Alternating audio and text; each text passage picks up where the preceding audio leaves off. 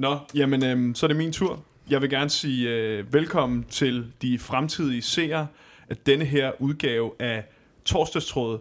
Nu kigger jeg lige over på Jimmy, og så spørger jeg, det er den anden udgave, vi laver nu, ikke? Jo. Det er jo sådan, at øh, på JB10 laver vi alle mulige forskellige øh, arrangementer. Vi laver foredrag, vi laver fælleskøkkener, vi laver koncerter, vi laver alle mulige forskellige ting og sager. Men under corona, så har der jo ikke rigtig været muligt de her ting. Så vi er begyndt at sende ting ud online via podcast og via video. Og den her i dag, det bliver en helt special en af slagsen, fordi det her, det er øh, torsdagstråd. Det er en øh, metal talk, og jeg er øh, flankeret af to kyndige, måske den ene ret kyndig, og den anden er øh, dagens mand, det kommer vi tilbage til. Jeg er flankeret af øh, Stephanie. Vil du ikke lige øh, introducere dig selv? Jo, jamen, øh, jeg hedder Stephanie, og øh, jeg er ved Næstved Metal Fest, hvor at jeg arbejder lidt med de sociale medier. Og øh, så har jeg en baggrund med at have arbejdet på forskellige spillesteder og festivaler igennem årene. Og det er min indgang til metalmusik. Og så er du historiker Jeg er også historiker ved siden af. Ja, det er mit dagjob. og har haft din egen podcast. Og har haft min egen podcast. Så, så altså, jeg har lavet et par podcasts nu. Hun har lavet et par podcasts, så det er altså... Det er nogle kendte stemmer, I snakker til nu. Eller I hører, I hører til nu. Og til min venstre, der sidder øh, Jakob Bredal. Velkommen til. Tak. For dem, der ikke kender dig, vil Mm. du så ikke lige sådan give en, øh, en kort intro til, hvem, hvem du er og hvad du har lavet? Jo, jeg kan prøve. Sådan. Jeg hedder Jakob. Jeg fylder 43 år, lige om ikke så længe. Tillykke. Ikke? ja, det er fedt, ikke? uh, jeg er 42 år. Okay. Uh, jeg øhm, øh, har spillet musik i form af hård musik, øh, metal, dødsmetal, hardcore, punk, øh, siden jeg var øh, teenager. Så faktisk på vej herover, så havde jeg tænkt, fuck, jeg må godt kalde det 30 års jubilæum, selvom jeg synes, at jubilæum er noget fucking bag, men undskyld, ord, ord er sproget. Uh, men men uh, der, jeg tror sgu, jeg har spillet musik i 30 år, ikke? Altså, hvad sker der med det? Det, er jo Kan, kan det passe? Det kan da godt passe. Hvis du starter, hvis du, du bliver hvad, 43, så starter du som 13-årig. Det giver ingen mening. 30 år. Nej. Jeg har Men- ikke levet i 30 år. Men ja, nok om det. Ja. Jeg, jeg har øhm, jeg voksede op i Sønderjylland. Øh, mine forældre er herovre fra, eller fra København, Næstved, det samme, ikke? Nej, Djævle hvad er de fra øen? Øhm, og øhm, jeg har øh, spillet i alle mulige bands. Øhm, Vi har en seddel her, hvor det står på. Ja. Jeg ved ikke, om du kan huske det. Altså, vi har sådan en rimelig lang Okay, liste her. Jamen, skal vi lige tage den? Nu er vi i gang. Chaosium, der spillede jeg guitar, da jeg var teenager nede i Gråsten Ungdomsklub, hvor den lokale politibetjent, øh, politi, var han kommissær? Nej, hvad hedder sådan noget? Politichef Henry, Henry, han ledede den lokale ungdomsklub, og han stolede nok på os fire drenge, der gerne ville spille dødsmetal inde i musiklokalet, til at han lod os låne nøglen i weekenden og sådan noget. Hvis vi lige overvejede ikke at stjæle alt slikket. Gjorde vi selvfølgelig ikke. Jeg tog måske en sodavand i og. Det var en greb light, så det er okay. Men øh, så der har jeg faktisk spillet i, øhm, i det. Og så flyttede jeg til Aarhus og kom med i Necrosis som sanger. Og Necrosis var det, der så blev til det fedt, der var en seddel, jeg kan godt lide det. øh, Jeg kan godt lægge fra, den ud, hvis det er. nej, det er godt. Syv- Fra 97 til 2000. Og så skiftede vi navn til Hatesphere. Og Hatesphere er måske det band, jeg har jeg er mest øh, kendt for, hvis man skal sige, bruge det ord. Øh, og det er derfor, jeg har spillet flest koncerter med i hele, rundt i hele verden. Næsten hele verden. Jeg tror, vi spillede, jeg ved ikke, 500 koncerter måske. Eller Jeg, ved, jeg aner det ikke. Jeg tror, jeg har spillet måske noget, der minder om 1000 koncerter i mit liv med forskellige bands. Men Hatesphere, det jeg har turneret mest med, og det er mit ansigt øh, og min stemme dengang var mest kendt for. Hvis man googler dig, så er det også der, der kommer mest op. Ja, det, det, så. det tænker jeg. Det, Ja. det tænker jeg. Og så, så spillede vi en masse og så var jeg lige inde over All Hallelujah, ja, det var noget italiensk projekt, som var sådan lidt mærkeligt. Jeg synes aldrig, det blev rigtig fedt. Hørte jeg forkert? Italiensk? Ja, italiensk band, som var et band, men var mere et projekt. Snakken gik på, at vi skulle ud og spille og sådan noget, men det blev altid noget. Så vi indspillede nogle plader. Ja, de indspillede noget musik nede i Italien, som de så sendte op til mig, som jeg så sang på, og det var sådan noget mærkeligt rock noget. Og det, der var noget, der var fedt, og så var noget, der kunne have været federe, hvis jeg havde sunget federe. Men det, det gjorde jeg ikke, for jeg skulle synge her lidt mere, ikke? Mm-hmm. Det blev lidt noget mærkeligt noget nogle gange. Uh, så gik jeg ud af Hatesphere jo uh, i 2007, eller 8, eller hvad? 7 nok. Ja, jeg, jeg ved det faktisk ikke helt. Jeg kan ikke, det, var, Altså, det, det var den sidste tur, jeg spillede. Der var, det var i Polen med Behemoth. Vi spillede en tur udelukkende i Polen. 9, 10-11 shows. Kun i Polen med Behemoth. Uh, og det var den sidste tur, jeg lavede, og der gik jeg faktisk ud på den tu- turné, for jeg, jeg, jeg kan snakke om senere, hvis der er. uh, uh, jeg var kørt sur i det. Så lavede jeg Children of Sodom, ja, det var sådan lige en, det var bare for mig en makker. Han gad ikke rigtigt. Jeg gad godt, så blev det ikke til så meget. Så dannede jeg Last Mile der med nogle gutter, og det var ret fedt i en periode. Indtil så gik Laurits ud desværre, og så fik vi en anden sanger, og så gik der logistik i den. Vi boede fire forskellige steder i landet, og det var noget værd noget. Så var jeg med The Candidate, ja. Og det var faktisk fordi, jeg var begyndt at, eller jeg har produceret, det skal lige sige, jeg har et, et studie i Aarhus, hvor jeg producerer, eller optager, og mixer, fortæller folk, de skal spille fedt øh, inde i mit studie. Øh, og lavede en masse plader, og øh, alt muligt andet. Øh, og der kom The Candidate faktisk for at indspille i mit gamle studie, uden at have en sanger. Og så tænkte jeg, det skal jeg da synge på, og det var fedt, det de lavede. Og så var jeg med det i nogle år, hvor vi turnerede også, og så gik der også øh, alt muligt logistik i den. Det var pisse kedeligt. The Governors, ja, det er så sådan et punk-rock øj, nej, det var ikke øj, men det var sådan en punk-rock band, som jeg spillede i sideløbende med øhm, alt andet. Men mest i starten af bandets, øh, eller starten af bandets øh, liv, han har sagt.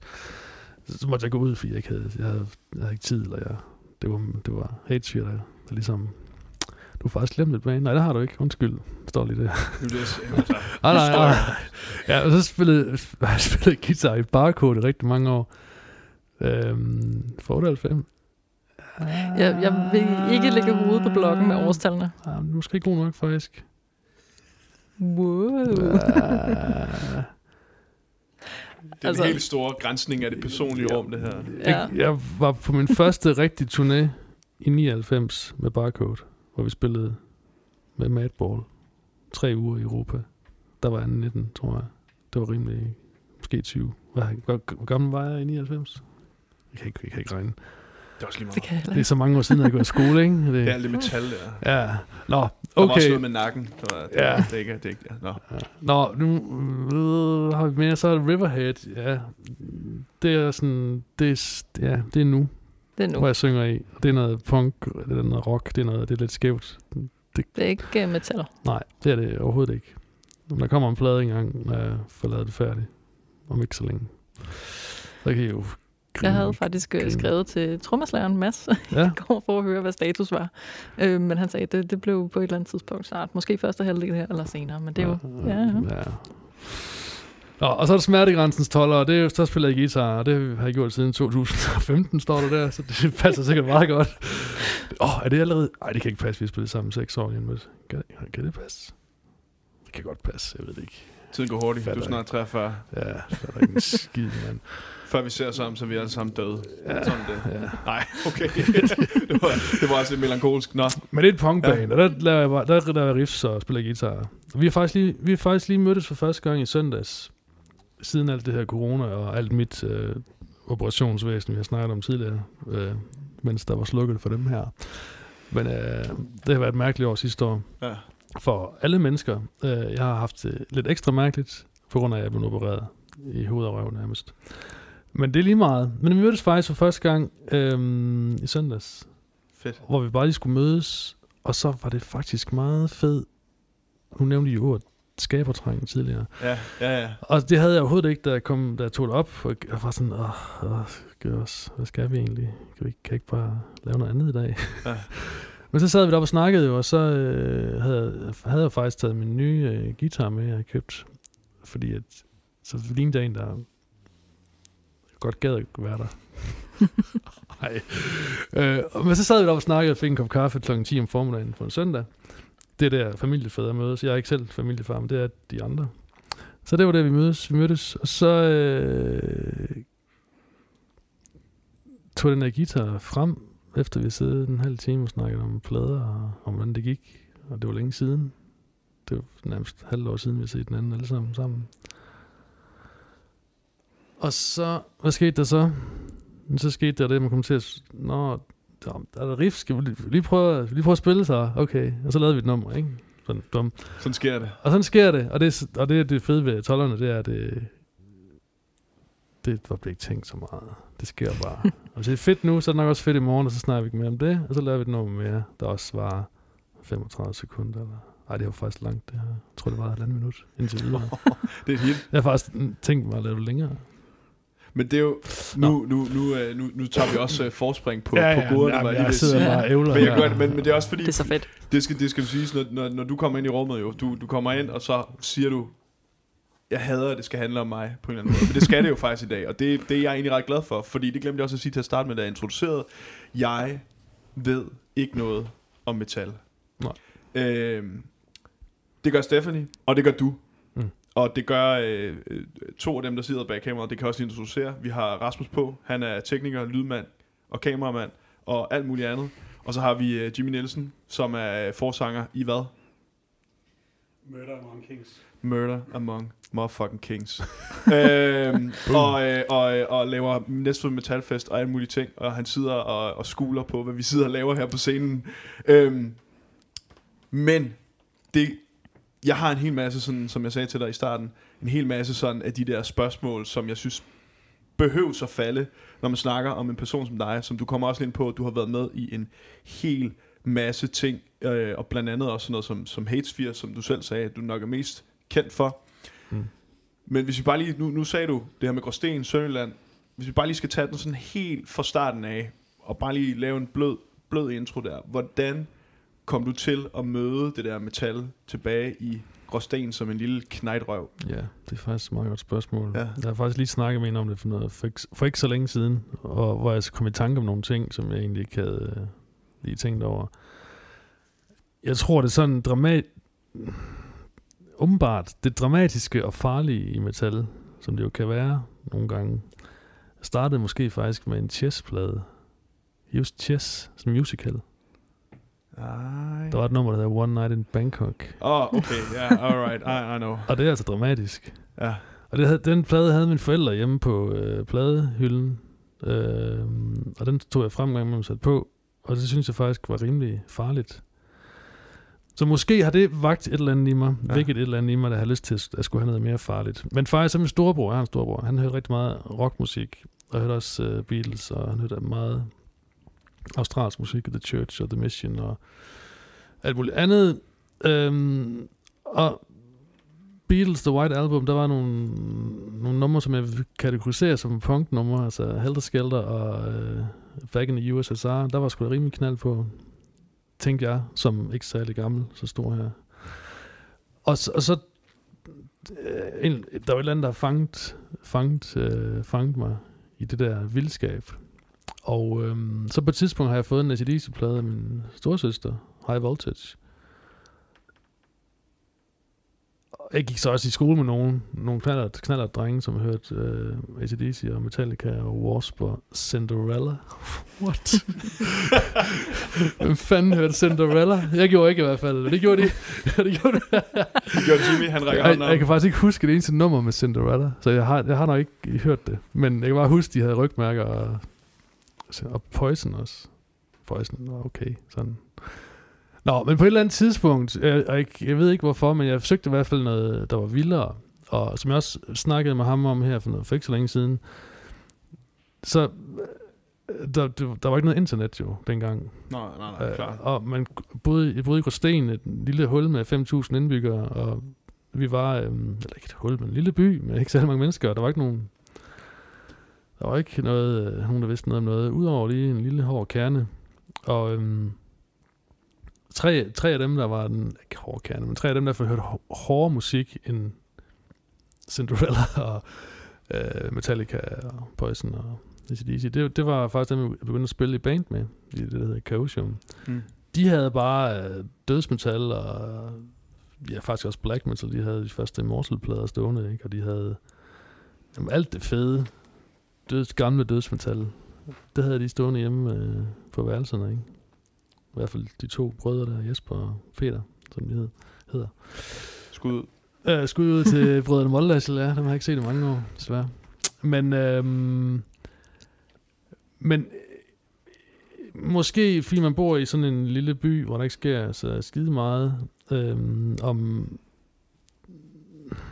det der med at stå på skateboard, gjorde jeg også. Øh, det var jo noget mærkeligt noget dernede, synes folk. Og min far synes det også, det var den dårligste det i verden. Hvorfor skulle, hvorfor skulle jeg det? Ikke? Øh, måske var det mest, fordi han synes det var for farligt, at man kunne slå sig. Ikke? Men det kan man også ved at køre på knallert. Altså. Ja, okay. Eller i bil. Eller i bil, Ja. ja. ja. Men øh, jeg, jeg ved ikke hvorfor, men øh, der er den, der i hvert fald gjorde, at jeg, det skulle være vildere. Så jeg, jeg opsøgte hele tiden, hvor ekstremt kan det blive, han har sagt. Ja. Og så var der heldigvis ikke så langt til Flensborg, og nede i Flensborg, der havde de altså pladebutikker, hvor de solgte alt muligt guf. Og dengang, der vidste man jo ikke, hvad der var fedt, så man tog jo plader op og kiggede på coveret. Fuck, det ser vildt ud. det må være godt, så købte man det, ikke? Det var sådan, det var dengang. Altså, man, man havde ikke noget info, jo. Der var, nogle, der var Metal Hammer, og der var Rock Hard dengang, men det var på tysk, og man kunne ikke sidde og kæmpe sig igennem det. Jo, det kunne man måske godt, men det gjorde jeg ikke. Så jeg, jeg gik altså efter, øh, er det der, øh, ligner det noget, der er farligt? Så er det fedt. Farligt Så er det fedt. Ja. Og så fandt man jo hurtigt ud af, Nå okay, så de her to plader, jeg har købt, de bliver udgivet på det her selskab. Ja. Ja. Så det kan være, at øh, de her andre plader, jeg, jeg så fandt senere, at når de er også udgivet på det der selskab, så er det nok også fedt, ikke? ja. Så lærte man ligesom at begå sig og begynde at finde ud af, hvilken st- stil inden for...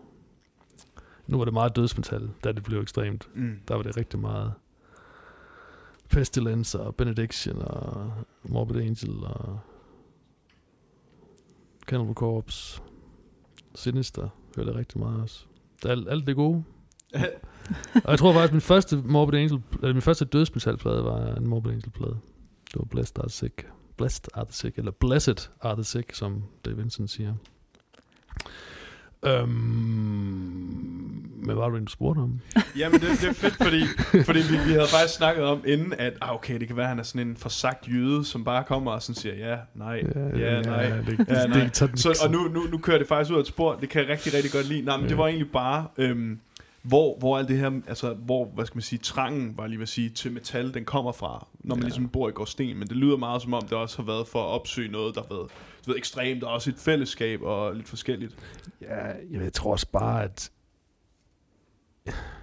Altså, min, min fars pladesamling bestod øh, mest af James Last og sådan nogle ting, ikke? Mm. Og det var, det var bare så kedeligt. Ja. Øh, og jo ældre jeg blev, jo mere ville jeg have mit eget, ikke? Ja. Finde min egen ting, jeg, kunne- jeg kunne lide at Ja. gå op i. Øhm, Klart. Og det var skateboard, og det var dødsmetal. ja. Og ja, hård, hård musik. Altså, jeg tænkte på, om vi ikke uh, skulle se et lille klip fra en af dine koncerter. Øhm, Ja, ja, om du har lyst til det? ja. Øhm, bare også lige for, at dem, der ikke øh, altså, Ja. kender så meget til, til metalmusik, 100%. måske også lige kan, kan høre med på det her klip, der er optaget Mm. live i Tyskland for i Hatesphere-dagene. Mm. Nu kan jeg ikke lige huske præcis, hvor mange år det er. Jeg tror, Men, det var, så er der ikke 6 dernede. Jo. Er det man uploadet i 2006 også? Ja, det er det sgu nok. Det er det nok. Men altså, det her det er jo en hver, et hvert metalbands våde drøm. Det er jo at spille foran ekstremt mange mennesker, som der er i den her video her. Og så, øhm, jeg skal ikke lige se det. Lad os prøve. Mm.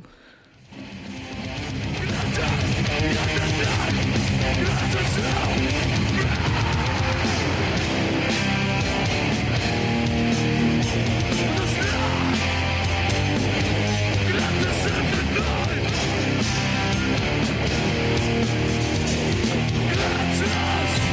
pop, pop.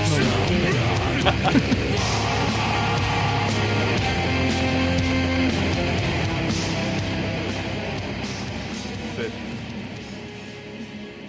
Elegant.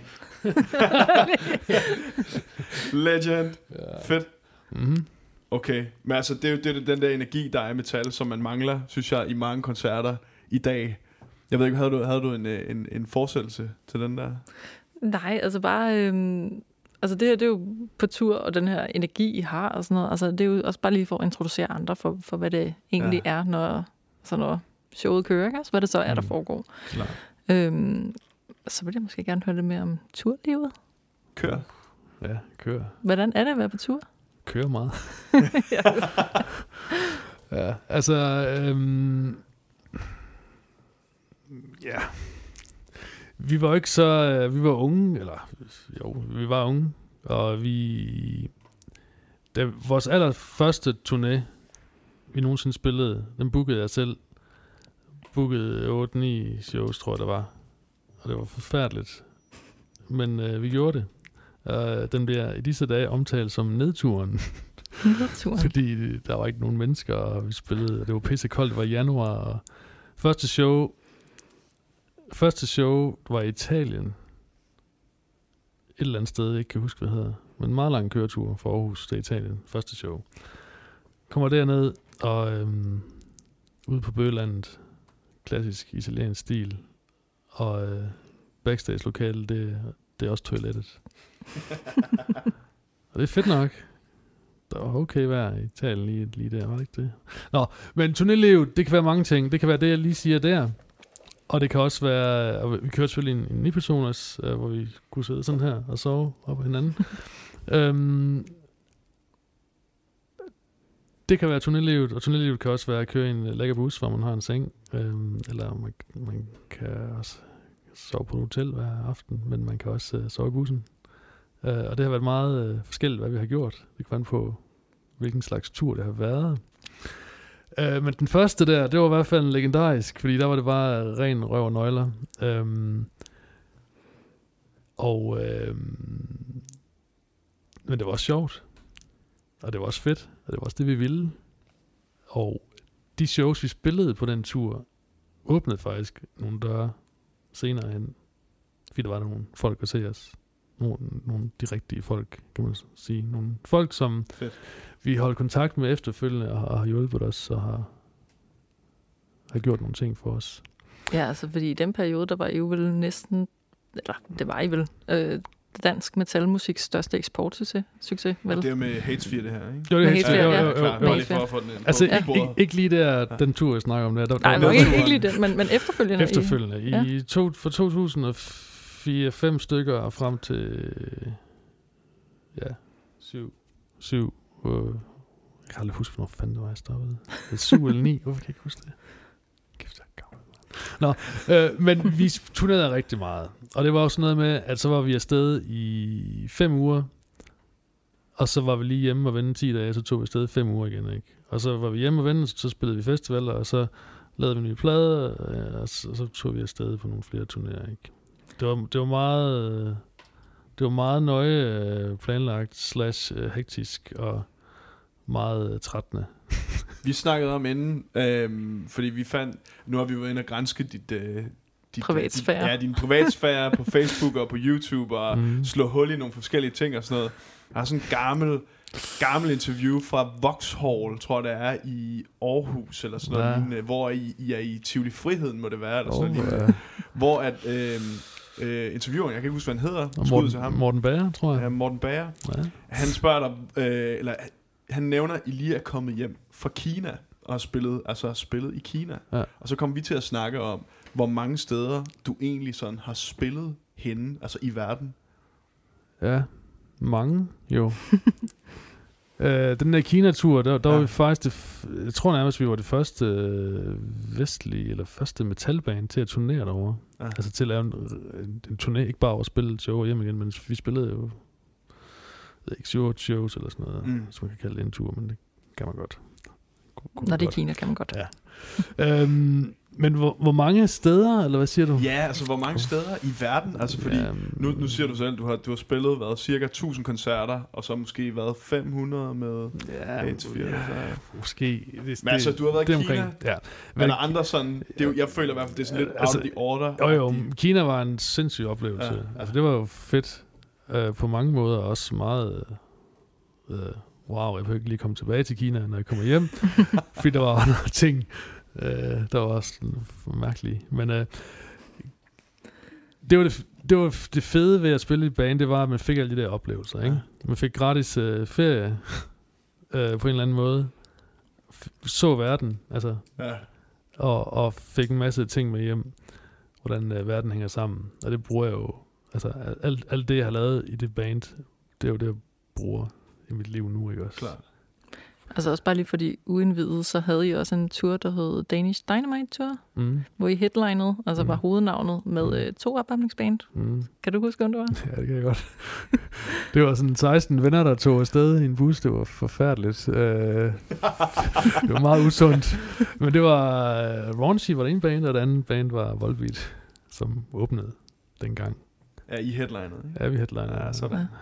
Så skal det. Så de fleste kender Volbeat, og, øh, mm, og nu ved jeg jo, Polle han er jo herfra, og han er også flyttet tilbage hertil. Så ham ser jeg nok i, nede i byen en gang imellem. Øh, når han er nede og handle, handle ind eller sådan noget. Eller køber en grill, eller? Jeg køber en grill ude i dig. Ja, han, er- ja, han, er- ja, jeg har solgt en grill til Michael Poulsen, og øh, så siger jeg ikke mere om det. Nej, ej, han ved, han kommer ned, når, når der engang ikke er corona, så kommer han ned på Step In, så sidder han dernede og chiller. Nå, Ja, hvad, der er sådan en lille irsk, irsk Okay. i, i en citationstegn hernede. så der lige foran... Det har jeg øh, hørt i hvert fald. Det ja, ved jeg okay. ikke. Der går sådan nogle rygter. Den Nå. næste der kommer. Ja. Anyway, jeg har i hvert fald øh, oplevet mange ting og været... Nu spurgte du om mange steder. Jamen, jeg har været... Ja, jeg, har jeg har spillet i Japan, og, Sindssygt. og så har vi spillet rigtig meget i Tyskland, sådan, som i, i sygt meget Tyskland, og endnu mere Tyskland. Og Belgien, og Holland, og Polen, England, Spanien, Portugal, øh, Ungarn, Svedigt. Øh, jamen, altså, jeg tror, vi har været de fleste steder i Europa ikke også, Ja, men ja. jeg har faktisk aldrig været i USA med bandet. Okay. Øh, det har de været efterfølgende, efter jeg gik ud. Men af en eller anden mærkelig grund, så de to, eller ikke mærkelig grund, der var grund til det, men de to turnéer, vi skulle have haft, mens jeg var med, de, de blev aflyst. Nå. Den ene blev droppet på grund af noget internt i bandet, og den anden blev droppet på grund af noget, ikke kan huske. Men, så jeg var faktisk aldrig i USA med H4, desværre. Hvor er det fedest at, at spille hen? Jamen, det kan være hvor som helst. Det kan være hvor som helst. Ja, det kommer an på... Øh, jeg vil sige, det kommer an på publikum tit, men det kommer også an på, hvor du selv lige er den Ja, dag. Ikke også? Selvfølgelig. Fordi jeg har da haft en fest foran øh, 14 mennesker, hvor jeg synes, det var pisse sjovt. Og så har jeg stået og hadet at spille foran 500 mennesker. Ikke? Ja. Fordi man havde en dag, hvor man bare tænkte, "Øh, hvad fanden ja, laver jeg? Ja. Eller et eller andet.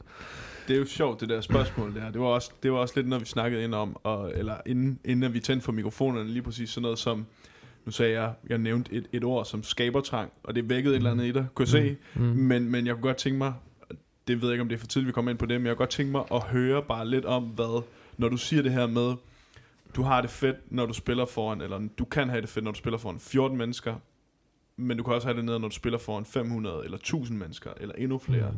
Hvad er det sådan for dig, når du for eksempel har spillet med Hatesphere eller andre, hvad er det, der ligesom skal drive værket, eller har drevet, drevet dig?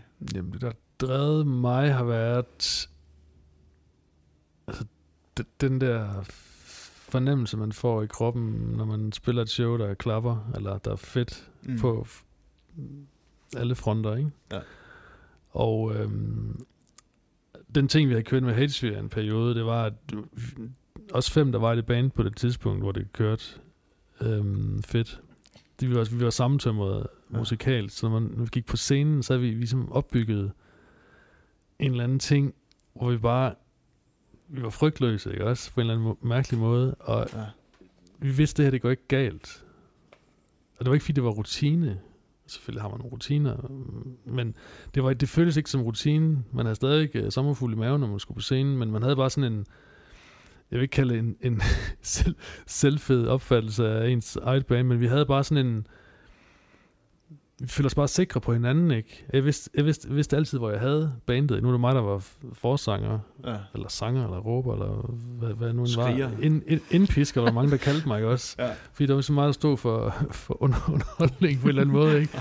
Jeg var manden i front, der ligesom Ja. kommunikerede, ikke? Men vi kommunikerede jo alle sammen med, med publikum igennem musikken, ikke også? Klart. Og jeg, vi, vi havde bare sådan en, ja, det, det, det har vi aldrig snakket om, det har jeg snakket med mig selv om, at vi havde bare sådan en uovervindeligheds uh, ting kørende. Og, og, det, og det er jo fedt, at man kan bygge det op, og have sådan en ting, når man går på scenen, og bare har sådan, "Jamen, det, det, det bliver fedt det her, uanset hvad der sker. Ja. Om så en af dem har en dårlig dag, eller jeg har en dårlig dag, så, så var det bare fedt alligevel, ikke? Men Ja. Der var jo også unge, og øh, det var lige meget, hvor mange tømmermænd vi havde, fordi vi brugte rigtig meget tid på at drikke alkohol dengang på tur, fordi at vi ikke var øh, klogere end, at det var bare det, man gjorde. Ja. Problemet er jo, at når man er på tur, så har man utrolig, mange, utrolig meget fritid. Og øh, vi var ikke så gode til at komme ud og se på ting, der var spændende. Ja. Vi, eller nogen var, men andre var ikke. Øh, Var du? og, nej, det var jeg ikke. Det er jeg blevet senere, men øh, ikke, det, ikke dengang. Og når man så havde spillet et show, og man stod nede i merchandise-boden og solgte nogle t-shirts og snakkede med folk, og så fik man noget at drikke, ikke? Og så ja. den der high, man fik af koncerten, blev endnu mere high, fordi man stod og drak drinks og snakkede med folk og charmede piger, ikke også? og, og så blev den der nattefest, den blev jo pludselig altid sen, ikke? Og så havde man jo havde man det ringe dagen efter. Men uanset hvor, hvor vildt det nu havde været, og hvor dum man nu havde været, så gik man på scenen dagen efter, og så var det bare, så dræbte vi den bare, ikke også? Altså. Fedt. Og det var den der fornemmelse af at kunne gøre det der, ikke? Man, man følte sig lidt, ja, uovervindelig, ikke? Der var sikkert også nogen, der synes man havde opbygget den form for irriterende ego. Det tror jeg ikke. Men, øhm, hvad fanden var jeg vil sige med det? Øhm, det har jeg glemt. Men, men, men, men det var i hvert fald en fed fornemmelse ja. at have bygget noget op, der kunne fungere på den måde. Ikke? Ja. Og, og vi, vi havde det fedt med det. Uh, se det i, jo, det, nu ved jeg godt, hvad jeg vil sige med det. Se det i, i, når man blev lidt klogere. Ikke? Fordi da man var 25, øh, eller hvor gammel man nu var, så troede man, at man var jo voksen og klog. Det ved jeg nu, at hold kæft, du var en idiot dengang. Øh, det, man lærer jo, men det lærer, man lærer jo af livet, ikke? Men, men øhm, se i bak, bagspejlet, det der hedder, at hvis vi nu ikke havde været sådan nogle festaber dengang, og været sådan nogle øh, idioter på mange punkter, så havde det måske været så meget federe. Mm. Så ville vi kunne putte endnu mere show og energi ja. ind i det for os selv og for andre, ikke? Ja. Men det er jo så, det, det, er ikke, det er ikke fordi, jeg fortryder noget overhovedet af alt det der. Overhovedet ikke. Det har kun lært mig ting og gjort mig til den, jeg er på en positiv måde. Ja. Men det var, det, var, det var jo det var dumt, det vi havde gang i. altså, det var værd pis. altså at skulle drikke sig selv i stykker Ja, hver dag i fem uger i træk, det er jo ikke, altså det siger sig selv, det er jo, det er jo Der er der ikke nogen, der er godt af. nej. Men det var sådan, det var, og det var, det var sjovt. Men Det var dengang. jeg skulle da ikke uh, fortælle folk, at det, er det, det er det, de skulle gøre. Når I skal på turné, skal I bare fyre den. Skal I bare, bare et fest hver dag, drikke jer stive hver dag. Ødelægge jer, ødelægge jer selv. God idé. Nej, men, øhm, men vi har set lidt af hvert, og prøvet lidt af hvert, og det har været Fedt. fedt, fedt og det har, som sagt, det der, det har været med til at forme mig mere end noget andet. Klart. Mm. Nu nævnte du før, at øh, du kom med i The Candidate, fordi at de var kommet for at indspille mm. Hos dig, Mm. uden en forsanger. Ja. Jeg tænkte på, om vi lige kunne høre et lille klip med bandet. Mm. Hvis du. Ja.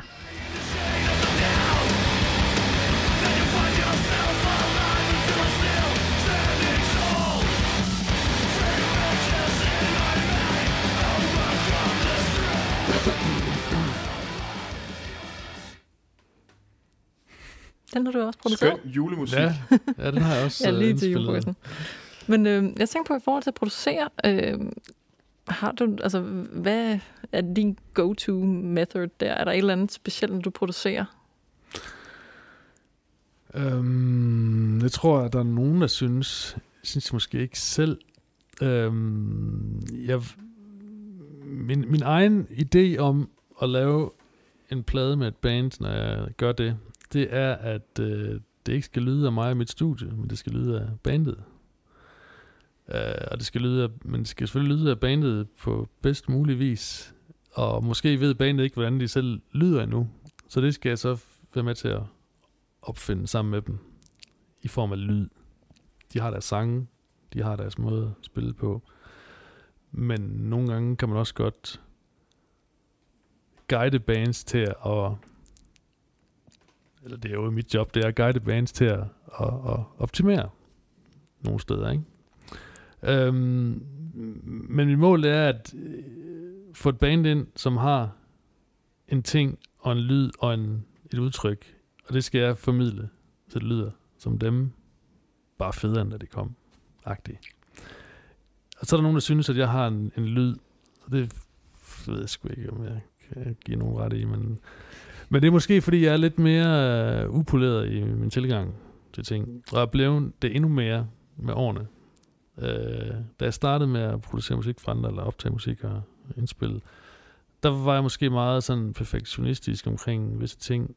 Og det, det har jeg lidt, lidt sluppet, at jamen, det må godt være mere ægte, og mere råt, og mere naturligt, hvis man kan kalde det det. Fordi vi lever i sådan en computer-tidsalder, ikke? og alt kan lade sig gøre nærmest ikke. Man kan jo få folk, der ikke kan spille musik, til at lyde som om, at de næsten kan spille musik. Ikke? Og det er forfærdeligt et eller andet sted. Det snakker vi også lidt om inden det der. Ja, der har, der har været sådan hele den her debat også øh, for nylig, i, i hvert fald i metalmusikmedier. Ja. Der har der været mm. nogle, øh, der altså, er blevet snakket meget om, hvordan man laver musik i dag, især metalmusik. Mm. Øh, jeg ved, i hiphops verden, der har der været noget med en Cardi B, der har fået tilpasset nogle af hendes sange til, at de ville blive gode på TikTok, til hun kunne generere noget mere. Mm. Jeg tror, jeg, tror, jeg, jeg hører ikke så meget Cardi B, men altså, jeg hører lidt. Jeg har hørt et nummer med Cardi B. Ja, jeg aner ikke, hvem det er. Nej. jeg ved, om Kanye West er. det er ikke den samme, kan jeg så lige. Det er ikke, ja. nej, men, men, men, men, det er rent nok, der var den der med, men jeg tror, jeg tror også, måske det er en gængs ting i musik, det der med, at man gerne vil have have ens musik til måske at slå igennem på de der sociale medier, for ligesom at blive måske brugt mere, mm. og kunne tjene flere og flere penge på, på internettet og sådan noget der, ikke? Ja. Og det havde der også været nogle, øh, nogle metalbands, ingen nævnt, ingen glemt, der havde øh, udtalt også, at de havde, øh, altså, og det var måske så, lidt på spidsen, har de så efterfølgende også skrevet, at 80% kontorarbejde er hårdt arbejde bagved, og 20% musik. Ja. Og det var selvfølgelig skabt en lille beef, hvor nogle andre har sagt, at alt under 50% musik, det er 100% sløjt osv. Mm. Men øh, hvad er din take på det her med måske at bruge medier, eller lave en, et nummer sammen med et andet band på Spotify, fordi det kan generere flere lyttere, eller hvordan? Hvad, jamen, hvad tænker ja, du om hele det der? Jamen, jeg har det sådan lidt blandet med det hele. Jeg kan godt forstå, folk de bruger... Altså, der er jo folk, der spekulerer i, hvordan man får ting ud til folk, ikke også? Flest lyttere. Flest lyttere, og gør det på det rigtige tidspunkt, og via de rigtige kanaler og whatnot. Ikke? Det, det bliver der jo spekuleret i. Uh, og det er der nogen, der er gode til. Uh, og nogen, der er gode til at bruge det der internet uh, på den rigtige måde. Også i forhold til, når man søger på noget af det, det rigtige, så dukker det op, eller ja. whatnot. Ikke? Jeg har ingen skid forstand på det. Men jeg vil sige, lige for at gå tilbage til dengang, jeg selv Øh, fordi nu, nu jeg, jeg kan slet ikke holde ud og tænke på at skulle snakke med folk om sådan noget faktisk, og opfladselskaber og sådan noget mere. Jeg, jeg magter det ikke. Jeg har brugt rigtig meget tid på sådan noget før i tiden. Og det var heldigvis før, at det der, I lige nævnte, det, det sådan var aktuelt med TikTok og alt muligt andet. Ikke? Men, er du på TikTok? Nej, nej, det er ikke. Nej, det er ikke. Jeg ved knap nok, hvad det er. Men øh, jeg har hørt om det. Fedt. men men øh, øh, i sin tid, da vi spillede, eller da, altså, da vi spillede, jeg spiller stadigvæk, men da jeg spillede i, i Hatesphere, der var internet en ny ting. Og det der med e-mails, da jeg fandt ud af, at det fandtes, det var fuck, hvor guld. Jeg kan komme i takt med hele verden, uden at skulle bruge penge på at frankere et brev, for helvede, ikke også? Men det var sådan, det var. Fordi før i tiden, der må man jo skrive til folk, eller ringe. Og det var fandme dyrt at ringe til Tyskland ja. med sin fastnetstelefon. Altså, det kostede jo kassen, ikke? Og, al, og alle mulige andre steder. Så det der med, at man pludselig kunne være online et eller andet sted, øh, ja, den lokale netcafé, før jeg selv fik internet derhjemme, ikke? Og man kunne sidde og skrive e-mails til folk, der havde et spillested, og man kunne gøre alt muligt, ikke? Så blev det jo pludselig let og, og billigt eller gratis, at kommunikere med folk. Og det kunne jeg jo, så jeg jo totalt meget lys i det, ikke? Så jeg spammede folk med mit fishband, og sagde, I skal booke os til det, og I skal... Øh. Og, og det brugte jeg faktisk rigtig meget tid på. Øhm, jeg brugte lige så meget tid i øvelokalet på at øve og spille og gøre os gode, men øh, jeg brugte rigtig meget tid, når jeg kom hjem på at sidde og skrive til folk. Og øh, at få navn ud og få en, ja, snakke med pladselskaber og så videre, så videre. Øhm, men det var jo før, der var, ej, der var jo fandt så Facebook i 7, 7. 98, 98, 99, 2001, 2000. Hvornår, hvornår Face startede? Facebook? 2006, 7 yeah, eller sådan noget, tror jeg. det startede okay. som sådan en college-ting så, så, det, så, så det var før, uh, det, det fandtes ikke dengang. Godt så. Øh, altså, jeg, jeg kom jo på Facebook 10 år senere end alle andre, så det er derfor, jeg ikke... Du er aktiv derinde. Ja, det, er det, er det, er det, er jeg blevet, ja, det, er- det er blevet. Det er Og det, blevet, og det, det er jo faktisk, nu, nu, nu kommer jeg, undskyld, jeg lige Det er afbryder, men nej, nej, men det er fedt det der, fordi nu, jeg, prøvede at finde dig på Instagram, der var ikke en skid der. Ah, så prøvede jeg, så googler man Jacob Brede, der kommer en hel masse op, og gamle ting og sådan noget. Kommer ind på din Facebook, der er fandme ild i den. Der er, det, det må jeg altså sige. Jamen, no shit, det er fedt, fordi det er jo lige præcis det der, som mange af de der, øh, de der marketing manager folk, de siger.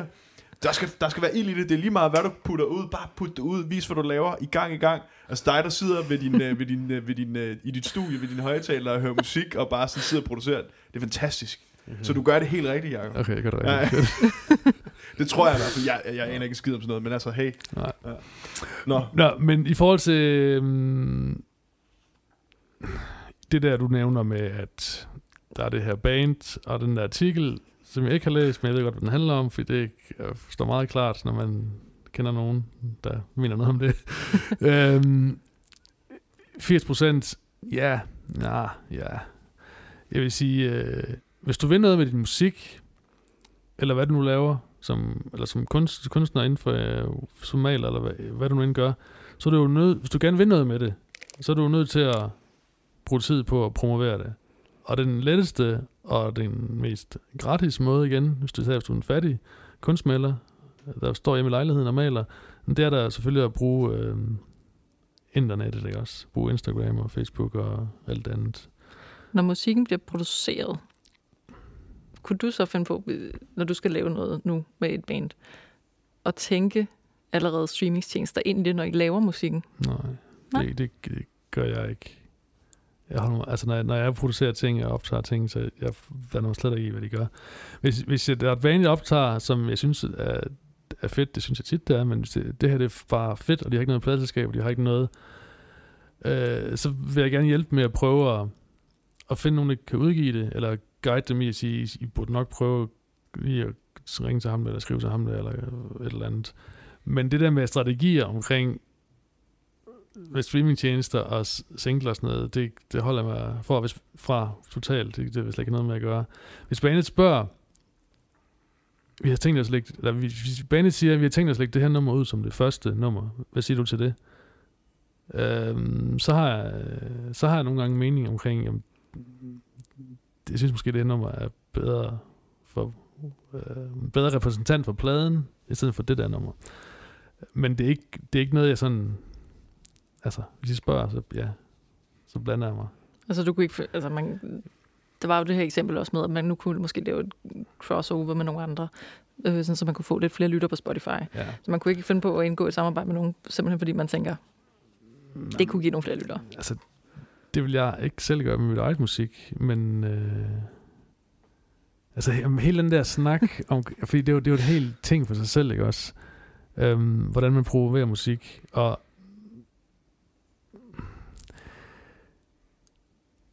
Hvem laver du musik for, ikke? Laver du musik for dig selv, eller laver du musik for andre? Øh, og det er det, man skal finde ud af med sig selv, hvad man vil.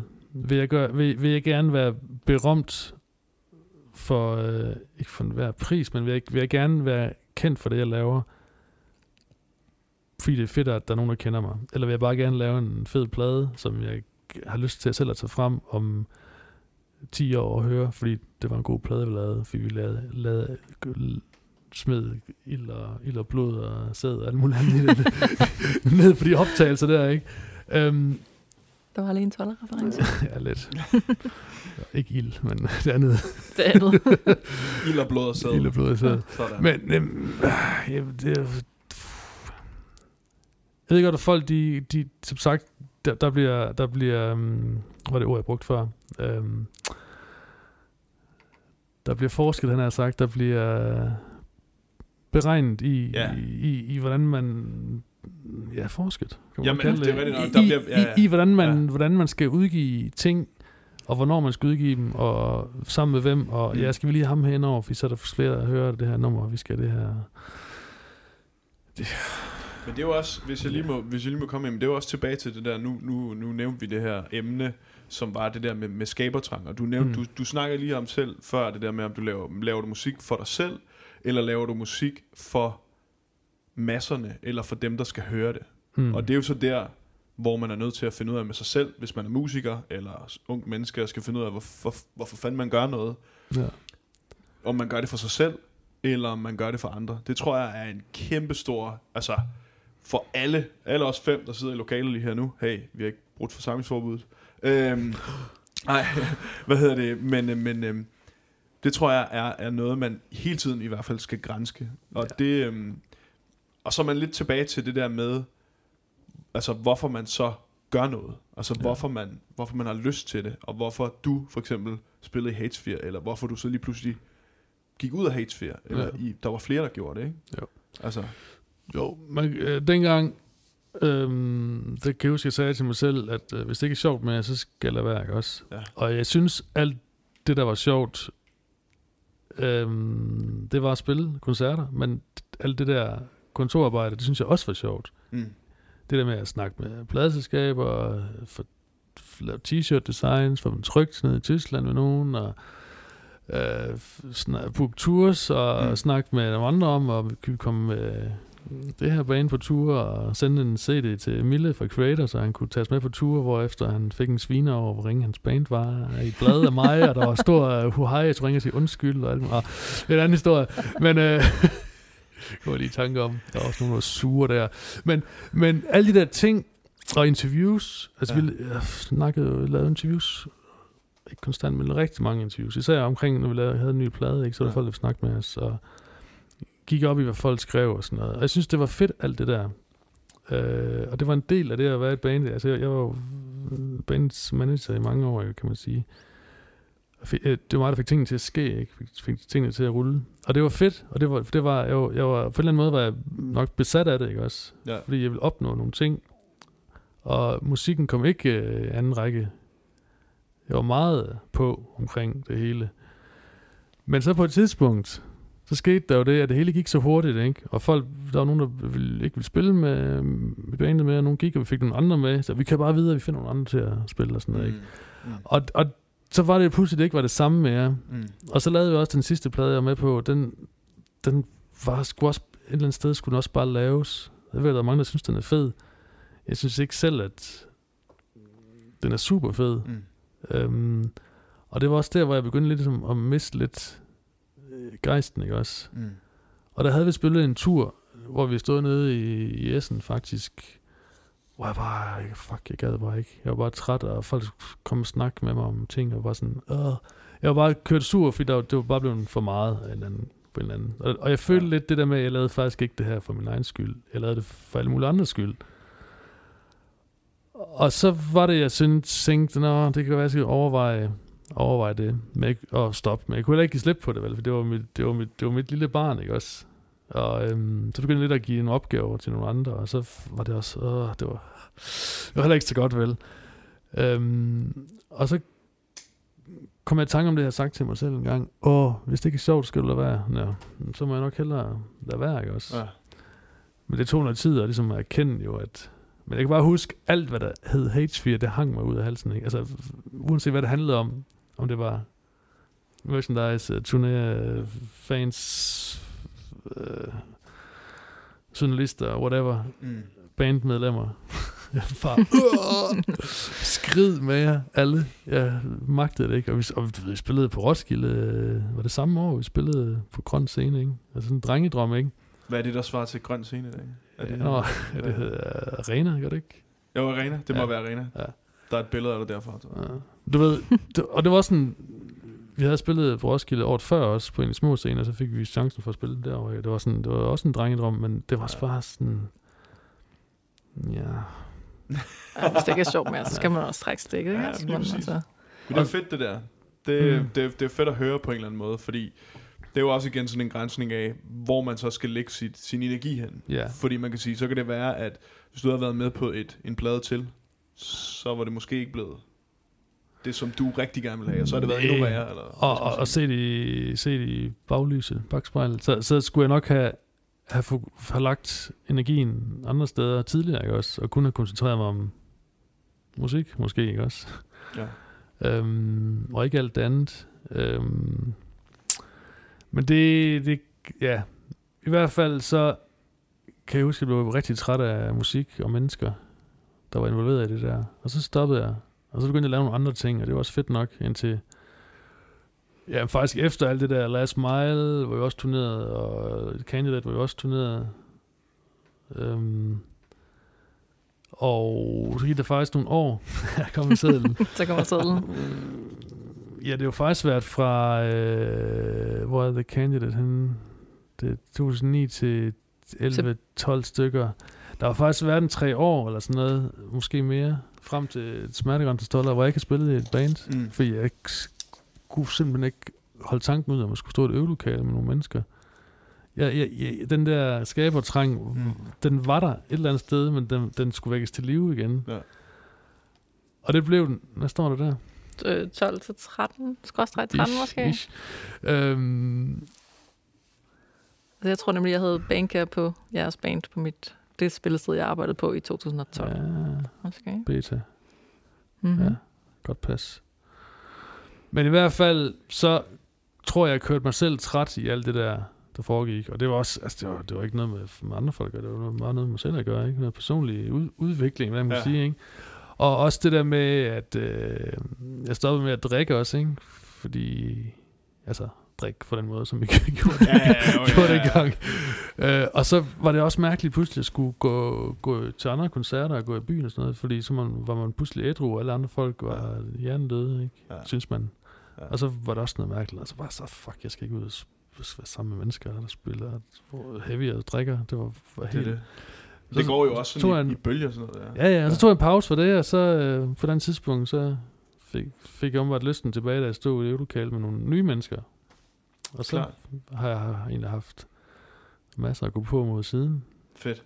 Um, som du, også, som du også kom ind på tidligere, det der med, nu sidder du ligesom og hjælper bands, indspiller folk, studiet, alle de her ting og sager. Jeg Mm. roste lige din Facebook før, blandt andet, øh, hvor man kan se, hvor, der, hvor meget arbejde foregår.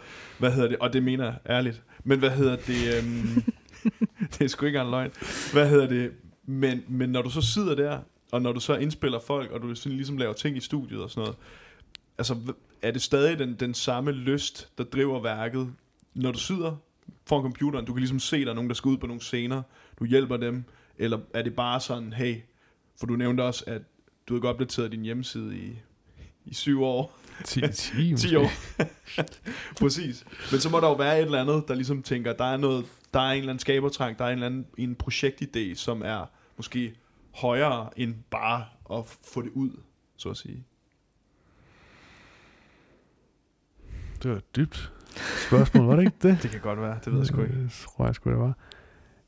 Ja, altså, skal det ikke lyde øh, kynisk, men det er, også, det er også et arbejde, ikke? Klart. Det, det, det er det jo blevet, Ja, men lige præcis. og, og øhm, jeg skal kraftigt til flere penge for det, tror jeg. nej, men, men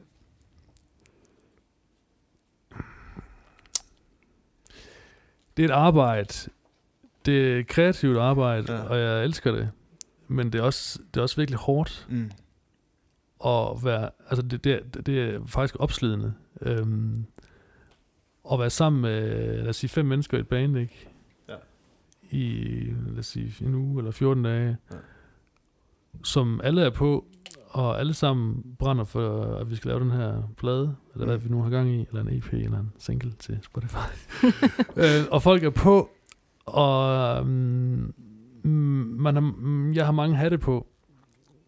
Jeg skal holde styr på det her band. De, vi skal lave det fedest mulige øh, album, eller hvad vi nu laver. Ja, man skal skrue på nogle knapper. Øhm, man skal sørge for, at det kommer ordentligt ind, og man skal sørge for at holde styr på alting. Så Ja. har også lige en pædagoghat på, ikke? Det har du også erfaring med, kan man sige. kan man sige. Men, øh, og samtidig med, at så brager der øh, for det meste meget, meget høj musik ud af et par højtalere i 8 timer om dagen. Ikke? Og, og, og, og det er ikke fordi, jeg sidder her, øh, det er hårdt at være mit job. Det er ikke sådan.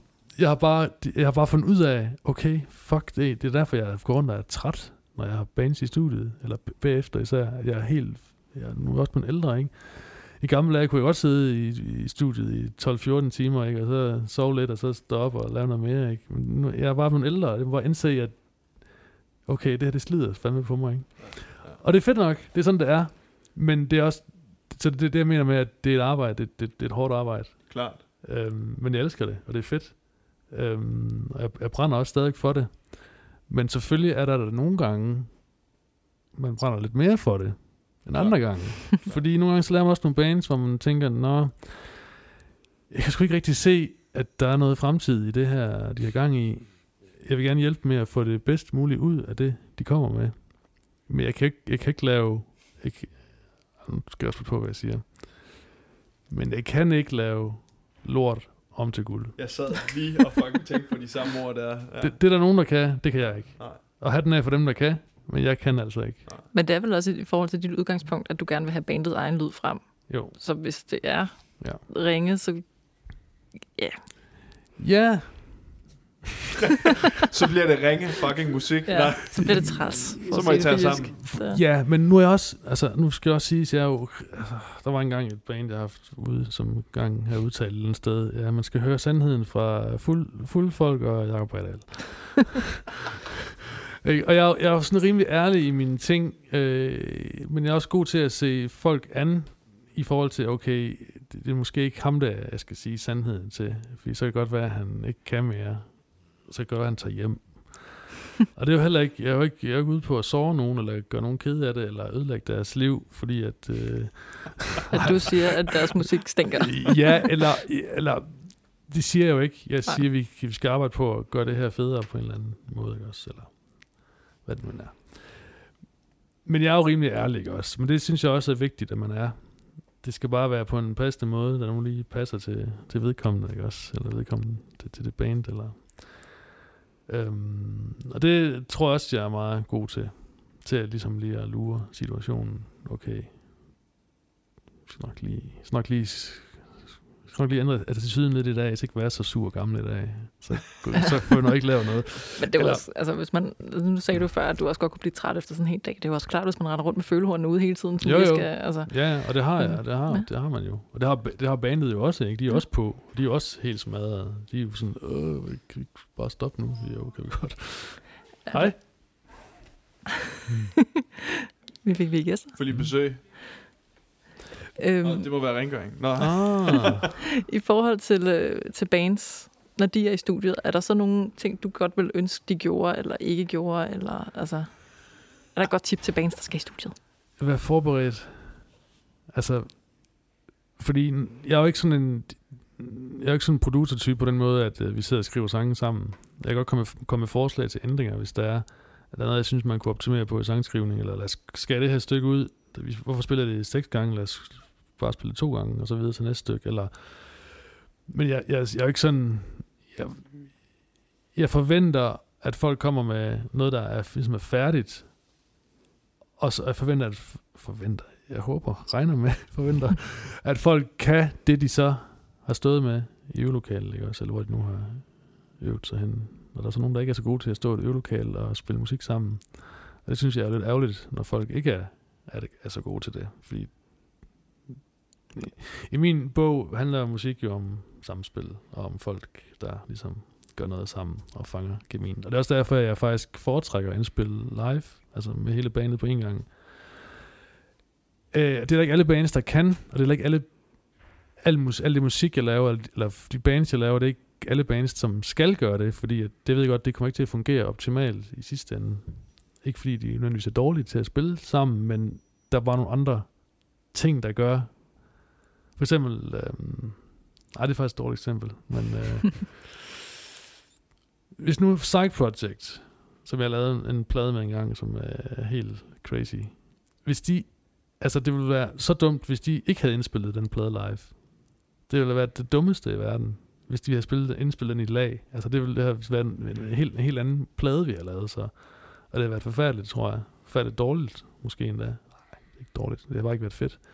Ikke været den samme energi. Nej, det har ikke været den samme energi. Det har ikke været det samme... Øh, jeg kan ikke holde at høre på det her, fordi det hele brænder sammen hele tiden. Agtig fornemmelse. det, det, det, er sådan, jeg har det med en flade. Jeg har faktisk ikke... Det er den, der hedder guillotine. Jeg har stadigvæk ikke kunne høre den fra start til slut, efter vi lavede den.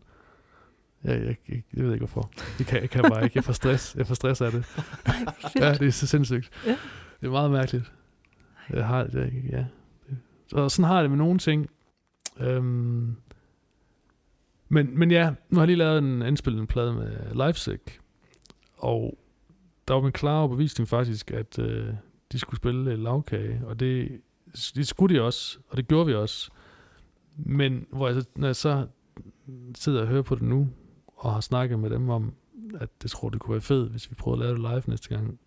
Fordi for eksempel, så de, de er sådan et band, de spiller ikke lige ud, og det er ikke klik, de spiller ikke til et click track. De kører sådan her op og ned i tempoer med vilje. Ikke? Ja. Og det fanger man altså bare bedre, når man står og kigger hinanden i øjnene og spiller sammen, ikke også? I stedet for at skal fange det, På afstand. ja, bagefter. Øhm, nu, nu bliver det fedt alligevel, alle, alle ting, de, de har også øvet, men hvis de nu havde, nu er det også lidt, lidt ramt af corona og ting og sådan noget, fordi deres øvelokale er kommunalt, så det har været lukket, ikke? Men øhm, Spritter lige hænder alle sammen.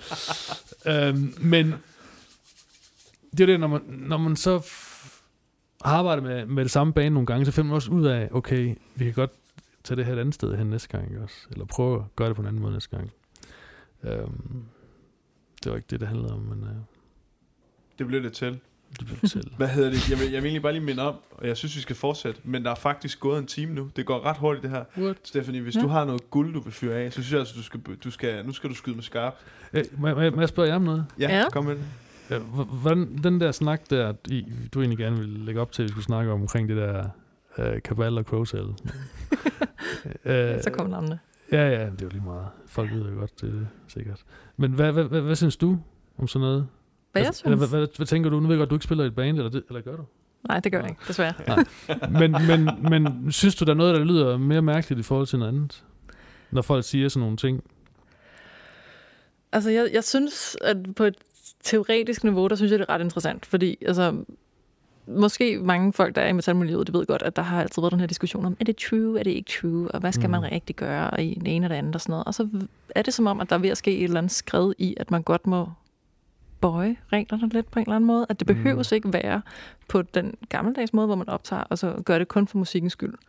Og det er jo så også den, der er lidt spændende, fordi at når igen, det var jo sat på spidsen, det der citat med, at det er jo 80% kontorarbejde og 20% øhm, musik.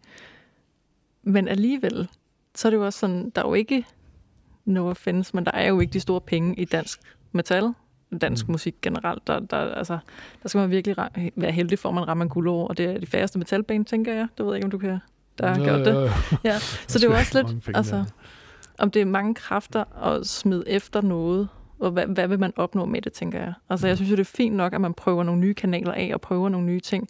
Der er jo også nogle bands, der holder nogle gange livestreams, hvor de sidder og snakker om et eller andet emne, for ligesom at have en eller anden, pleje en eller anden fanbase, og så ryger det op til andre folk på Facebook, der måske ikke følger dem, og så lige ser, hov, ej, hvad snakker de om? Det er meget interessant. Hvem er de? Mm. Dem vil jeg gerne høre. Ja.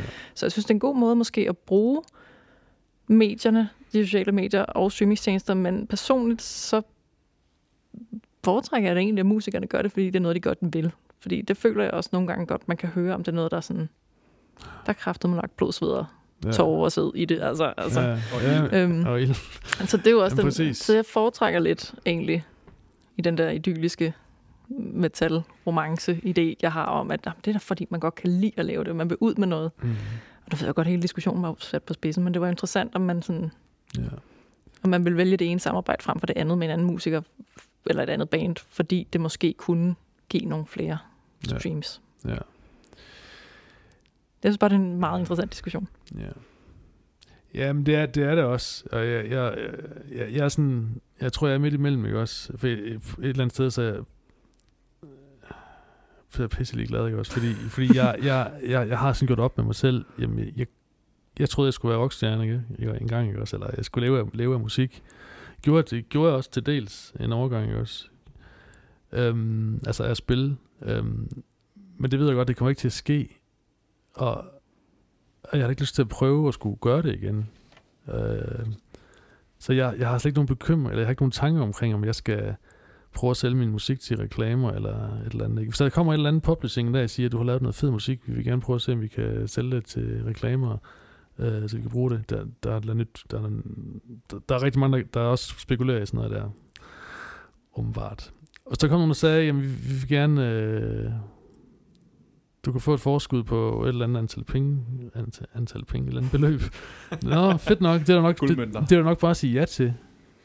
Altså, jeg er rimelig punk i min tilgang til ting, men hvis folk øh, vil betale min husleje. Det er fint nok. Må jeg sgu da gerne. Altså, mindre det et eller andet... Noget, jeg ikke kan stå indenfor. Altså, Klyngebomber. Klyngebomber, for eksempel. Ja, ja. Ja. Ikke? Ah. Eller, eller for eksempel øh, et eller andet... Øh, nej, klyngebomber. Lad os ja bare tage den den. tager vi. Men, men Den er så, så der, altså, men ja, jeg, jeg er bedøvende. Jeg, jeg, jeg er pisse glad egentlig, ikke? Fordi jeg, det, der kommer ikke, kommer ikke mig ved et eller andet sted. Jeg spiller i Smertegrænses Toller, og det øh, den måde, vi laver musik og gør tingene på selv, det er... Jeg har aldrig nogensinde kommer til at være nogen, nogen øh, penge i det, og det er da ikke formål med det overhovedet. Det er udelukkende for egen skyld, ikke også? 100 procent. Og jeg har det sjovt med det, og det er fedt. Og der er ikke nogen øh, regler, og der er ikke noget... Øh... Og så kommer nogen, der gerne vil udgive vores næste plade, jamen det kan da godt være, at vi ikke skal gøre det selv, så, eller Mads ikke skal gøre det. Det kan, være, det kan da være, at... Hvad fanden ved jeg? Men det er ikke, det er ikke vigtigt. Det er ikke vigtigt, at jeg rammer så og så mange mennesker, og så og så mange streams. altså, hvis folk kan lide det, det er da fedt. Øhm, men jeg kan godt forstå, hvis folk har spillet i band i, i lad os nu sige, du har spillet i band i 10 år, og øhm, du aldrig har genereret en krone, og du godt kunne tænke dig stadig at prøve at leve af det, ved at turnere, og ved at whatever, reklame på en eller anden måde øh, og YouTube og kanaler og folk, der betaler penge for det. Jeg ved slet ikke, hvordan det fungerer sådan noget der. Men hvis du kan, hvis du kan lægge en masse arbejde i det, og, og generere et eller andet, og, og få en eller anden form for fortjeneste, eller hvad fanden ved jeg, du sælger 200 t-shirts mere om året, hvad, ja, så, så ja, så gør det da. Det er da fedt nok. Øh, så er der så nogen, der mener, at du skal, det er kompromis med musikken. Jamen, det kan da godt være. Det, at du synes det, men Hvis det er det, man har lyst til. Præcis, ikke også? Vi er jo alle sammen heldigvis forskellige, ikke også? Og øhm, nu, nu har jeg indspillet noget af det nye uh, Crow Cell, hvilket er, øvrigt er pissefedt. Uh, de udgiver sådan to EP'er sammen. Jeg ved ikke, hvad jeg må sige. Nu sagde jeg det. Men det er ret fedt. Det er sådan meget blacket. Uh, det er ret sejt. Og der foreslår jeg dem faktisk noget med et pladeselskab, uh, som måske kunne være interesseret. Og så var de bare sådan, vi gider ikke snakke med sådan nogle folk, der vil tjene penge på vores musik. Og så blev vi knippet i røven igen. Det gider vi ikke. Klart, jeg har sagtens forstå. De, de gider ikke bruge tid på sådan noget, så, så vil de hellere bruge, altså, bruge energien og pengene på at udgive det selv, og så den fortjeneste, så er den får de sig selv i hvert fald. Så er de sikre på, at de, der er ikke nogen, der, der høster deres arbejde. Hvis der er noget, der, nogen, der høster, så er det dem selv, ikke? Og, og det kan jeg sagtens sætte mig ind i, at de har også spillet i for evigt, ikke også? De gider heller ikke noget pis. Altså, På faldrebet, der havde jeg faktisk en lynhurtig, meget skarp. Ved du, altså når du står på en scene, og der Mm. kommer lyd ud af dig, mm. Hvor mange decibel, ved du det? Nej, det ved jeg faktisk ikke. Hvor højt kan du råbe nu? Ja, jeg kan ikke råbe så højt mere, som jeg kunne engang. Det er, jeg har jo desværre også, øh, Åh, jeg har desværre også uh, slidt, uh, slidt de stemmebånd i stykker. Ikke? Det er ikke kun nakken, der er gået i stykker, det er også, er også stemmebåndene. Altså, vi havde jo snakket Så- med øh, en, en lydmand, som Ja. vi fortalte om før. Mm. Øhm, og han, øh, han fortalte, at du, øh, du fik en master limiter til at dø på Skanderborg, da du kom hen og råbte. Og han nævnte også noget med, at, øh. Nå, han har sladret. Ja, at det er en ambulance omkring 130 decibel, men du lå højere end det. Det er kraftet med i orden. Det er højt. Ja, det var dengang, der er ung og havde gode rør, som man siger. Det har jeg altså ikke mere. Jeg tror ikke, jeg kan... Nå, vi Nye rør. Ja, giv mig nogle nye rør. Nå, vildt nok. Ja. Det kan man bare se. Fedt. Men, Altså, jeg, har, jeg har også to spørgsmål lige her Ja. til sidst. Har du nogen, øh, har du nogen idoler, nogen du ser op til, sådan i dag også? Eller også fra måske da du var yngre? I, ja, Det behøver ikke at være i musik, det kan også godt være i muligt andet. Altså, I don't know. øh, der er vel nogle stykker. Altså Bon Scott, ACDC's afdøde sanger, ham, ham, han, altså, der var fandme kun én, ikke også? Ja, okay. Altså, Der han er var- også lidt, der er også lidt, lidt bro til råberiet på en eller anden måde. Ja, altså, ja, ja, han kunne noget, ikke? Ja. Øhm, så havde han meget en sindssyg ting med Dave Vincent fra Morbid Angel, øhm, som virkelig var kongen af alle konger. Det bliver nødt til at forklare mig, hvorfor. Jamen, Det er der, hvor jeg er inhabil. Ja, men, jamen, det er fordi, han var, han havde bare en karisma, Ja. ja. og havde øh, en stemme, som kunne et eller andet specielt. Ja, det kan sådan, sådan set stadigvæk. Øhm, og jeg husker, jeg så dem over i Pumpehuset i, på Smash of the Mutants tur, sammen med... Nej, det var sgu ikke den tur. Nej, det var. Fan. Nå, deres egen tur, Domination Tour, Ja. i 95, Pumpehuset. Tog jeg fra Gråsten til København, tror jeg. Jo, nemlig. Øhm, og der kan jeg huske, at han stod der, der var bare et eller andet, ham der, han, han, kan, han, han, han kan tillade sig alt. Ikke Fedt. også? Han, det ved jeg ikke. Der, der var bare et eller andet, der bare dragede mig. Han var bare kongen, kongen af alle sanger i verden. Ja. Det, der så skete senere, det var, at vi var på tur med dem øh, i fem uger. Og der kom jeg jo til at snakke med ham der, mit idol, ikke også? Og, sådan, og så er det tit, når man så møder de der, så, nå, ja. Så, så, så, Så er de sgu også bare mennesker. så, de, ja, så er de også bare mennesker, ikke også? Ja. Ja. Han er så et meget specielt menneske, stadigvæk, vil jeg sige. øh, har nogle øh, funky holdninger om nogle ting, og så er han... Ja. Men... Så jeg har det ikke på samme måde med ham med jer, som jeg havde engang. Øhm, og det er også fint nok. Ja. Øhm, men du, jeg skal lige tænke, øh, Bon Scott er nok sådan det, der kommer tættest på... Øh, ja, Fedt. Ja, tror jeg. Ja. Ja. Fedt. Hvis vi lige skal runde den der op med, med skabertrangen, Mm. og alle de der ting, sager, så, så øh, plejer jeg altid, når vi snakker, altså vi har sådan nogle, nogle snakke her med forskellige folk, øh, der laver noget kultur og laver noget, noget kreativt.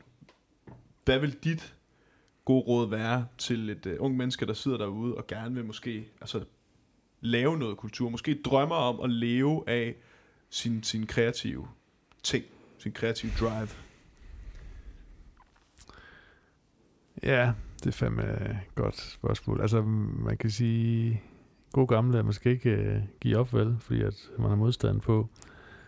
Fordi så ja, sker der jo ingenting. Præcis. Men man skal jo også uh, have noget selv uh, indsigt i forhold til,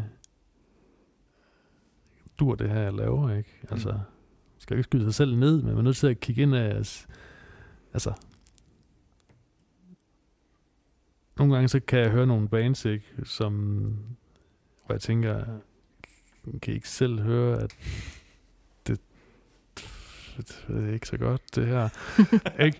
Og, og, og, og det, det er jo Noget sund kritik. noget, ja, noget sund Ja. ja. kritik af sig selv, ikke også? Ja. Øhm, og hvis du virkelig gerne vil noget, jamen, så kræver det også, altså, det kræver også arbejde. Ja. Ja. Det, kr- det kræver også, vel også noget held og noget timing, ikke også? Det Ja. kan man ikke altid... Øh, ikke kan altid bestemme, hvordan det skal fungere, vel? Men, men, men hårdt arbejde, og hvis du spiller rock, eller metal, eller punk, eller hvad du nu gør, jamen, så kræver det sgu, at du øh, øver dig, og f- men også finder nogle ligesindede, ikke? Eller det- ikke ligesindede, men nogen, der også der ved det samme som dig, som ikke holder dig tilbage. Klart. Ikke? Jeg, jeg har selv stået i situationer, hvor jeg tænkte, okay, vi vidste sgu ikke det samme, men nu prøver jeg alligevel at få det til at fungere, ikke? og det er ikke, er ikke altid, det, det er en lang, hård proces, der ender med ingenting, ikke også?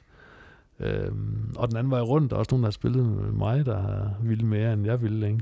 Klar. hvor jeg sådan har været en bremseklods, og det er jo ikke sundt, så det skal man også lige være god til at lige at føle, eller, eller sætte ord på, hey, har du lyst til, at vi skal turnere sammen i en bus øh, 200 dage om året? Ja.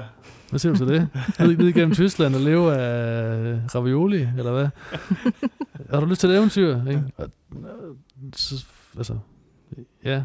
Det, det har, vi- jeg har selv været dårlig til at, hvad hedder det, um, ja, sætte ord på og, og forventningsafstemme, som, Ja, ja, ja. øh, som man siger nu om dagen. Ikke? Ja, ja. At, at, hvad vil du egentlig? Hvad, hvad, hvad vil jeg egentlig? Eller hvad vil I? Så vil vi det her sammen, eller skal jeg finde nogle andre? Ikke?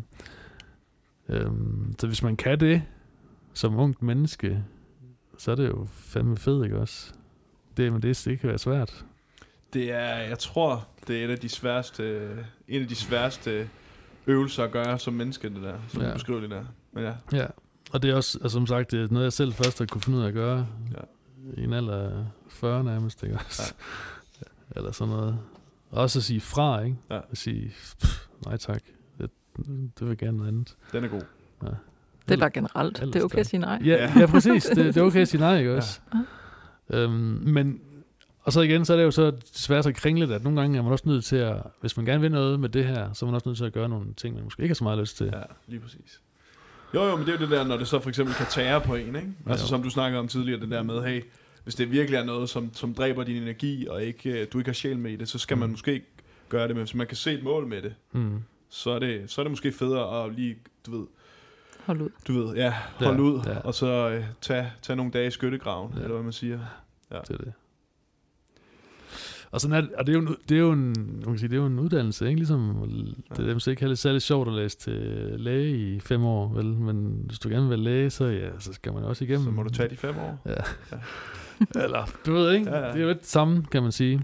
Øhm, ja, og jeg har altså, ja, jeg har ikke gået i skole siden 10. klasse, så jeg, jeg har uddannet mig igennem ja, liv som landevejsrytter. Så bakker bund. Bund, ikke også? Siden der i studiet, optaget videoer. Ja. Er der noget, øh, du lige vil, vil tilføje? Her på, på falderæbet? Et eller andet, du lige har... Den der, der missede jeg. Mm, Nej, tror jeg måske ikke. Det kan være på, om I har noget, I ikke føler, I har fået svar på. For jeg har, Nej, lidt, jeg har, lidt, jeg har lidt snakket sådan Er der nogen bagved her? op, der- op og ned og frem og nej. tilbage. Og, Jamen det har du, og det er der er fedt. Det var det, jeg sagde. Det kom til at ske, og det er godt. og jeg har en ting, faktisk, man godt lige kan tilføje. Altså det der med det, med det studiearbejde, ikke også? Det er jo, det er jo det er jo sket, fordi jeg har spillet musik, fordi jeg har haft en interesse for, når, hvordan optager man musik, Mm. fordi folk har optaget min musik, ikke? Mm. Og så faktisk al, altså alle de kontakter, jeg har haft i sin tid igennem at spille selv, det er jo meget, det er jo det, det startede med at indspille. Altså, at jeg, jeg har jo ikke bare... Der var en grund til, at jeg sad og indspillede tyske og udenlandske bands, dengang jeg ikke engang vidste særlig meget om at indspille musik, ikke også? Men det var fordi, jeg kendte jo lige nogen, ikke? Fordi man havde turneret, og fordi man havde en masse kontakter, ikke? Så det er også det der med at opbygge et netværk. Det er jo vigtigt for alt, ikke også? Men især inden for sådan noget her, tænker jeg, at Jeg kan også sige, at øh, i hvert fald nu har jeg jo også arbejdet nogle forskellige steder inden for forskellige musik musiktiltag og brancher og festival og spillesteder og sådan noget. Og nogle gange, når der har skulle reklameres for et eller andet band, og du har produceret deres plade, så har jeg bare sådan blevet punket i hovedet. Husk at skrive, det er Jacob Bredal, der produceret. Husk at skrive, når du produceret sammen. Fordi det er sådan en eller anden form for... Ja. Så er det et godt stempel. Yes, sir. Ikke altid. men tak, tak, Men, tak, øh, tak, det- tak, tak, tak. Men, men, øh, men ja, netværk, ikke? Ja. Og, og hvis man opfører sig ordentligt og, øh, og behandler folk, behandler folk godt, ikke? Og gør et godt stykke arbejde omkring ting, så har en posi- positiv indstilling til tingene, så skal det nok gå det hele. Tænker jeg. Der fik vi øh, debunket den myte Ja. om, at... Øh, om at metalhoveder er nogle af de mest velafbalancerede mennesker. Nå, Nå, når det du var- kan sidde og give de der råd der. Ja, men, nej, men Det lad, var- vi tager den bare ligesom en slutning der. Men altså, når du kan give sådan nogle gode råd ud til, til folk, der skal lytte til det her, så, øh, så må den være debunket. Ja. Jeg vil gerne sige øh, tusind tak. Ja, tusind tak. Den anden Selv tak. installation af Torsdags Tråd, Ja. nu i øh, live version. Tak for dig, Selv tak, Jacob fordi jeg måtte komme. Stephanie. Tak. Tak. Det var det. fedt. Ja, Sådan. fedt. Bum. Signing off. Skide godt. Fedt. Så er vi færdige. Denne podcast var produceret af JBT.